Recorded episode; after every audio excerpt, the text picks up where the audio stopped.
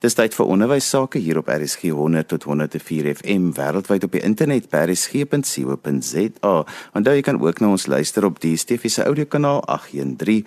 Die program is ons in die onderwys saam met my Johan van Lille.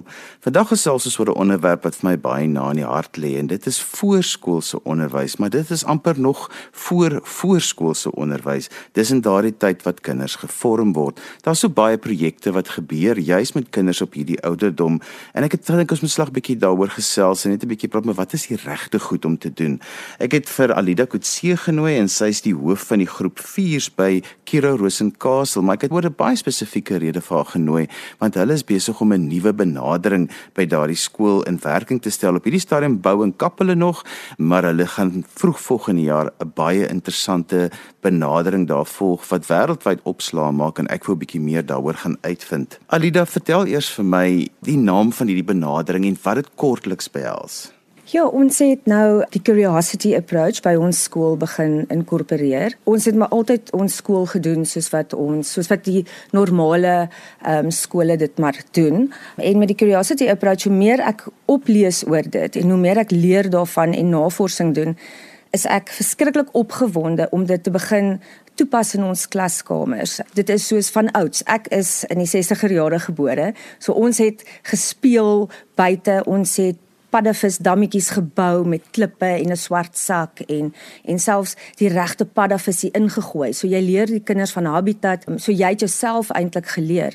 En dit is wat die curiosity approach eintlik is. Jy bring regte lewende voorwerpe in, jy bring regte goed uit die huis uit, bring jy in jou klaskamer in. So dit is eintlik 'n verlenging van jou huis na die klaskamer toe. So Ek is verskriklik opgewonde daaroor want jy leer die kind deur self te vat aan goed om met hulle sensus net te gaan ondersoek instel. So jy maak vir hulle 'n hele nuwe wonderwêreld oop en jy beweeg weg van ehm um, al hierdie helder kleure want helder kleure laat jou verskriklik voel dat jy uit jou vel uit wil bars waar ons teruggaan na kleure waar jy meer kalm en gemaklik in jou klas gaan wees. Alida, dit is nou wonderlik van die kleintjies is dat hulle 'n natuurlike nuuskierigheid het. En soos ek dit verstaan, bou hierdie benadering juis op daai natuurlike nuuskierigheid, want daar's al klaar momentum in die leerproses.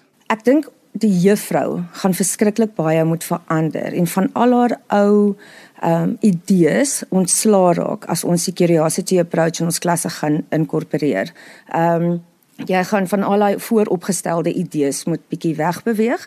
Jy gaan moet kyk dat ehm um, die goed wat jy vir die kindertjies gaan neersit, gaan meer goed wees uit die natuur uit en uit jou omgewing uit. Kinders leer met hulle hande, met hulle harte en met hulle um, kop. Jy jy dink, ehm um, met jou gedagtes en dan jy het daar in die curiosity approach sê ook daar is drie leermeesters dis die ouer die um, opvoeder en dan ook jou um omgewing. So dit is jou drie uh leermeesters wat jy het. En um so jy bring al daai goedjies saam en jou jou kind gaan absoluut floreer in daai omgewing. Alida, jy sê vir my so 'n belangrike ding, want baie keer dink ouers, hulle kan maar net hulle kind by 'n voorskoolse sentrum gaan aflaai en dan gaan daar wonderwerke gebeur. Dan gaan alles uit die lug uitval en hierdie kindertjies gaan nou ontwikkel wat die beste vir ons. Maar ek is so bly dat jy sê dat die ouer word ingereken by hierdie proses. Maar hoe gaan julle dit regkry want die ouers laai die kinders af en kom tel weer die kinders op. So daar gebeur 'n groot stuk deur die dag, maar hoe word die ouers betrokke gekry by hierdie proses? Ons gaan definitief volgende jaar um inligting aande hê waar die ouers 'n hands-on saam met hulle kinders in die klas wees sodat ons die ouer kan blootstel aan dit. Ons gaan baie kommunikeer met hulle. Ons gaan ook, ek weet nie of jy al gehoor het van die um I Mama nie wat vir ons uh, direk in kontak sit met ons ouers. So alles wat ons in die klas doen, jy kan foto's neem, jy kan soos die kind ontwikkel, kan jy op jou I Mama, jy het 'n um tablet. Gaan jy al jou inligting van jou kind gaan jy daar sit. Die onderwysers se uh, se doel gaan wees is om te observeer. Daar gaan jy gaan kyk na hierdie kind, jy gaan vir hulle die nodige uh, voorwerpe neersit en jy gaan observeer en daarvolgens gaan jy besluit in watter rigting jy gaan. Van die curiosity approach het twee hulle sê dis invitations en provocations. Nou 'n invitation is enigiets wat jy neersit wat 'n kind gaan nuuskierig maak om te kyk. 'n Provocation is die kind se belang. So jy gaan kyk wat die kind se belang is, jy gaan die ouer ook vra. Wat stel jou kind in belang?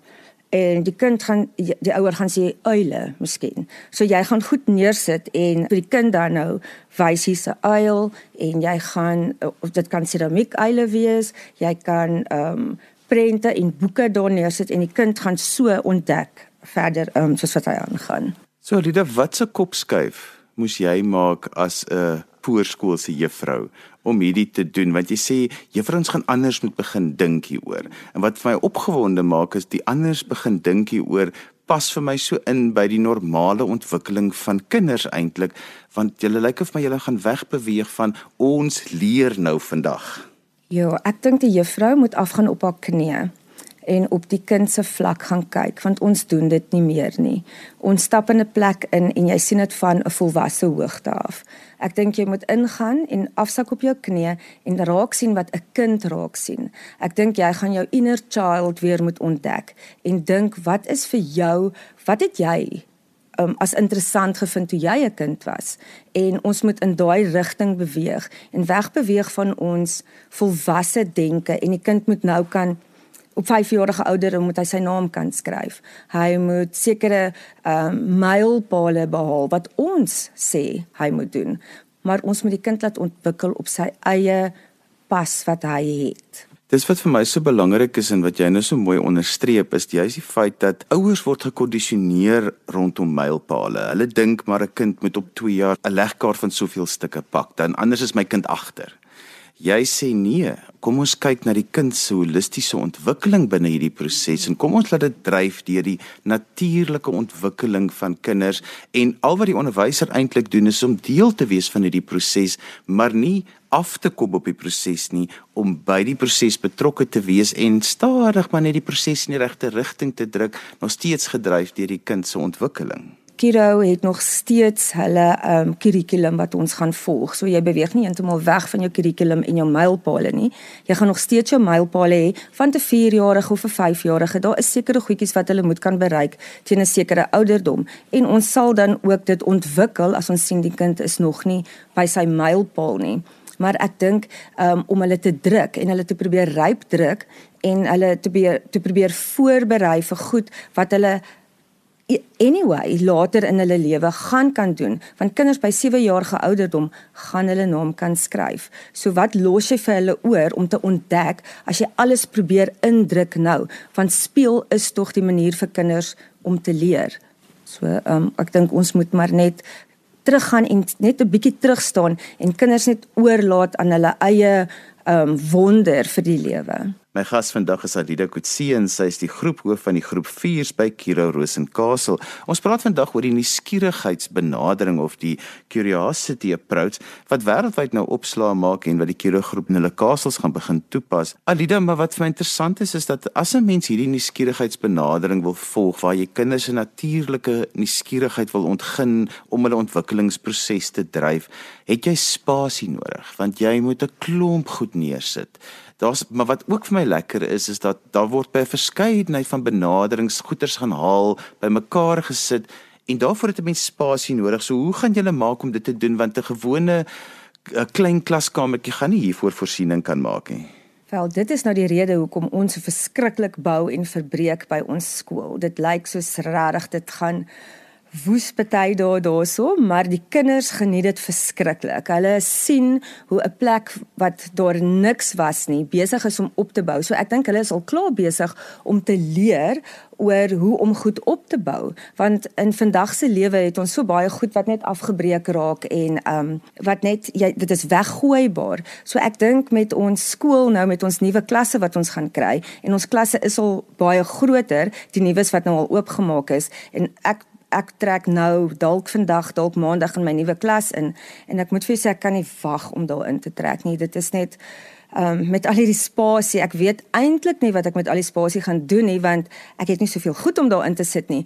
Maar dan ook ons beweeg weg van stoeltjies in ons klaskamers. Daar gaan tafels wees, die kindertjies gaan staan en werk by plekkies. Ons gaan hoekies maak waar 'n groepie kinders bymekaar gaan speel en dan kan hulle uit eie keuse uit van een aktiwiteit na die ander ene toe beweeg waar hulle geïnteresseerd voel en waar hulle nuuskierig gaan wees. En dit gaan weer eens terugkom na die juffrou toe om haar klaskamer so op te set dat dit vir die kinders 'n absolute ontdekkingsreis tog gaan wees deur sy dag om jy steek goedjies weg in jou klas vir hulle om te ontdek en te sien, "Ag, oh, hierso is nog 'n dingetjie weggesteek. O, ek het nog nooit daai gesien nie." So jy jy gaan vir hulle uitlok om te kom speel van die Kaapse opvoeders sal onthou vir Groenewoud van al die jare terug. Ek praat nou van 40, 50 jaar terug wat diep spore in onderwys getrap het. Dit jy spesifiek ook hierdie tipe van benaderings ehm um, bevorder in skole. So ek dink sy sal baie opgewonde wees om te hoor wat jy vandag sê.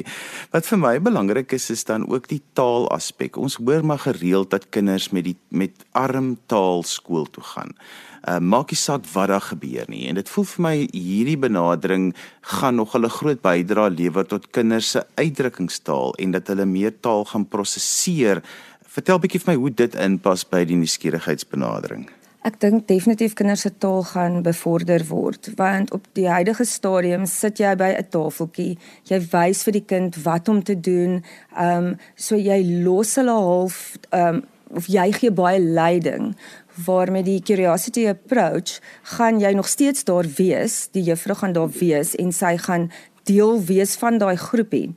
Maar sy gaan na die kinders praat en daai goedjies wat vir hulle interessant is en wat vir hulle ehm um, wat hulle gaan nuuskierig maak. Jy gaan praat as jy as die hart van vol is, loop die mond van oor. So as hulle met iets verskriklik interessant speel, gaan hulle dit met hulle maatjies deel. So ek dink en dan jy as opvoeder is daarso om as woordjies nie reg uit of as hulle 'n woordjie dalk soek, ehm um, is jy daar om die woord te gee. So ek dink definitief jou ehm um, taal gaan definitief bevorder word.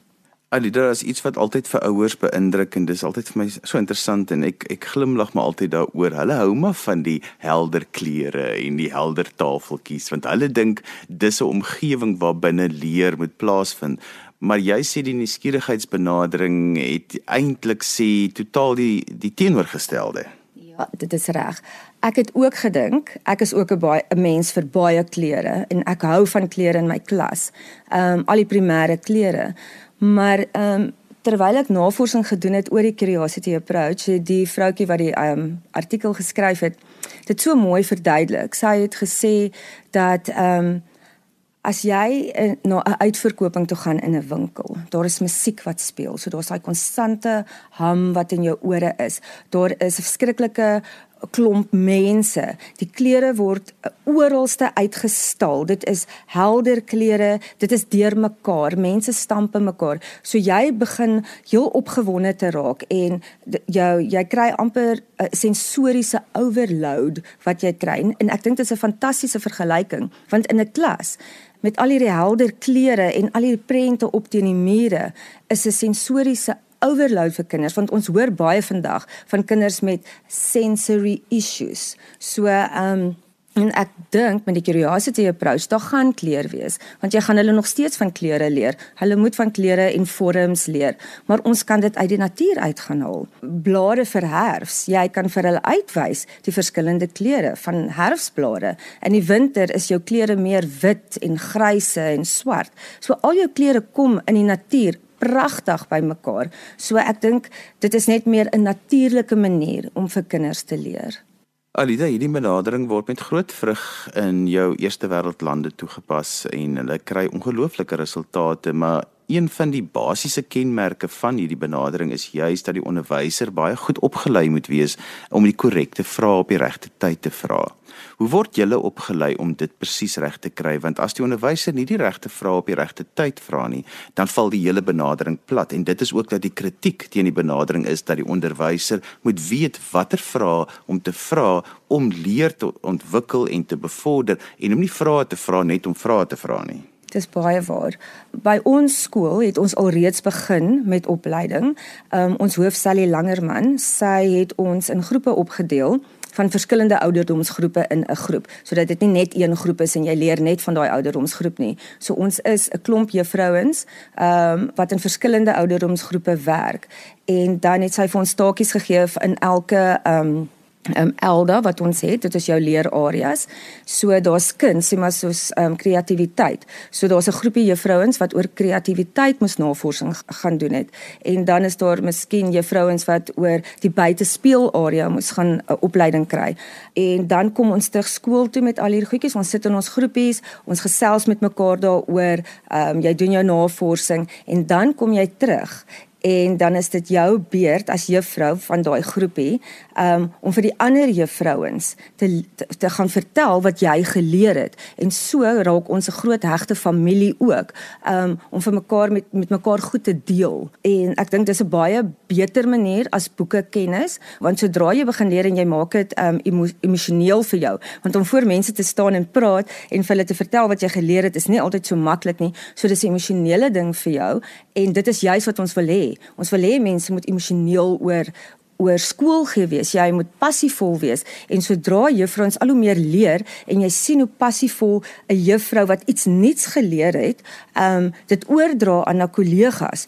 Um, hoe meer passievol raak jy daarvoor. Ehm um, een toe ek gestudeer het, was een van die goed wat wat hulle vir jou sê is jy moet 'n lifelong learner wees. En ek dink ons moet weer teruggaan daarna, wees 'n lifelong learner. Al die mense in voorskoolse onderwys sê altyd vir jou dat alles staan of val by speel. Hoe pas hierdie benadering wat julle gaan toepas in by die verskillende forme van speel, van vryspel tot by gerigte spel? Wat is die balans wat julle gaan handhaaf en hoe gaan julle dit regkry? Daar gaan 'n balans moet wees. Speel is eintlik maar of jy nou buite speel of jy binne is en of dit of daar leiding is of nie, jy gaan nog steeds leer. As jy vir 'n kind 'n teepot gee en um jy gaan vir hulle vertel, dit is 'n baie kosbare pot hierdie en jy maak 'n hele storieetjie daaroor. So die kind is al klaar reeds besig om te leer daaroor.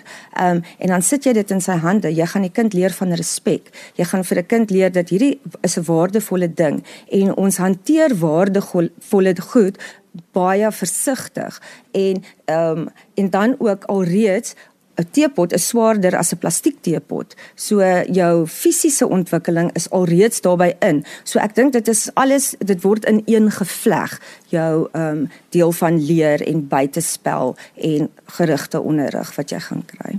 Hierdie benadering vorm die basis van selfgerigte leer wat al hoe meer in skole begin toegepas word en selfs op tersiêre instansies gebruik word juis omdat dit soveel voordele het omdat dit van jou 'n lewenslange leerder maak net die feit dat jy ook as onderwysers gebruik julle selfgerigte leer om te gaan uitvind en met mekaar te deel. So dis my baie lekker dat 'n mens so 'n benadering kan toepas. Wat vir my belangrik is is is dat jy moet bewus wees van kinders se die krag wat in hulle verbeelding lê. En ek voel baie keer dat voorskoolse onderwysers is bewus daarvan, maar hulle gebruik nie altyd daai potensiaal nie. Ja, dit is so hoekom ek sê is die juffrou gaan op haar knieë moet gaan en sy gaan haarself eers moet ontdek voordat sy kan aangaan. So sy gaan regtig waar moet inkyk en op die kind se vlak gaan dink. Um om haarself uit te beeld want goedjies wat vir jou interessant is kan dalk vir daai kind ook interessant wees. So jy gaan in, en jy gaan vir hulle moet die heeltyd observeer. Wat stel die kinders belang in? Waarvan hou hulle? Praat met die ouers, vra vir hulle Wat doen jou kind by die huis? So ek dink ons gaan baie vrae moet vra en ons gaan baie met mekaar moet deel. Ehm um, wanneer ons besig is met die curiosity approach juis om die kinders meer te betrek en hulle meer opgewonde te kry. 'n Kind is anyway opgewonde. So ek dink dit is om die ouer opgewonde te kry en om die juffrou opgewonde te kry. Net so ter afsluiting, wat is die deel wat vir jou angstig maak om hierdie kopskuif te moes maak en nou hierdie te moet doen? Wel, ek moet eerlikwaar vir jou sê, ehm um, ek was nogals 'n baie rigiede juffrou gewees van goed moet op 'n spesifieke manier in my klaskamer werk. Ek is streng. Ons doen dit nou en dan gaan ons oor na die volgende aktiwiteit en so ek is redelik rigied gewees in my denke. En ek moet sê ek is nou al alreeds op die punt juis omdat ek so passievol voel oor die curiosity approach waar jy kinders net moet los kyk hoe hulle speel, moet nie hulle stop as hulle besig is om hier op 'n ontdekkingstog te wees in jou klas en hulle is besig om hier 'n toring te bou uit blokke en um uh, kussings en uh, komberse en moet hulle nie onderbreek nie. Los maar die volgende aktiwiteit. Daar is nog 'n dag, môre is nog 'n dag. Los hulle en kyk wat hulle ontdek en wat hulle um create met al die goedjies wat jy vir hulle gee. En so gesels Alida Kutse en sy is die groephoof van die groep 4s by Kiro Rosenkastel. Sy het ons meer vertel van die curiosity approach die skierigheidsbenadering en dan vir die onderwysleiers en die mense in die voorskoolse onderwys as jy curiosity approach gaan intik op Google, jy gaan ongelooflike hulpbronne kry, baie inligting daaroor. Dis 'n baie interessante benadering en ek dink dit kan met groot vrug in enige skool toegepas word. Onthou jy kan weer 'n vandag se program luister as 'n potgooi, laai dit af by resgep.co.za Vir meer inligting oor Kiro kan jy gaan na kiro.co.za. daarmee groet ek dan vir vandag tot volgende week van my Johan van Lille. Totsiens.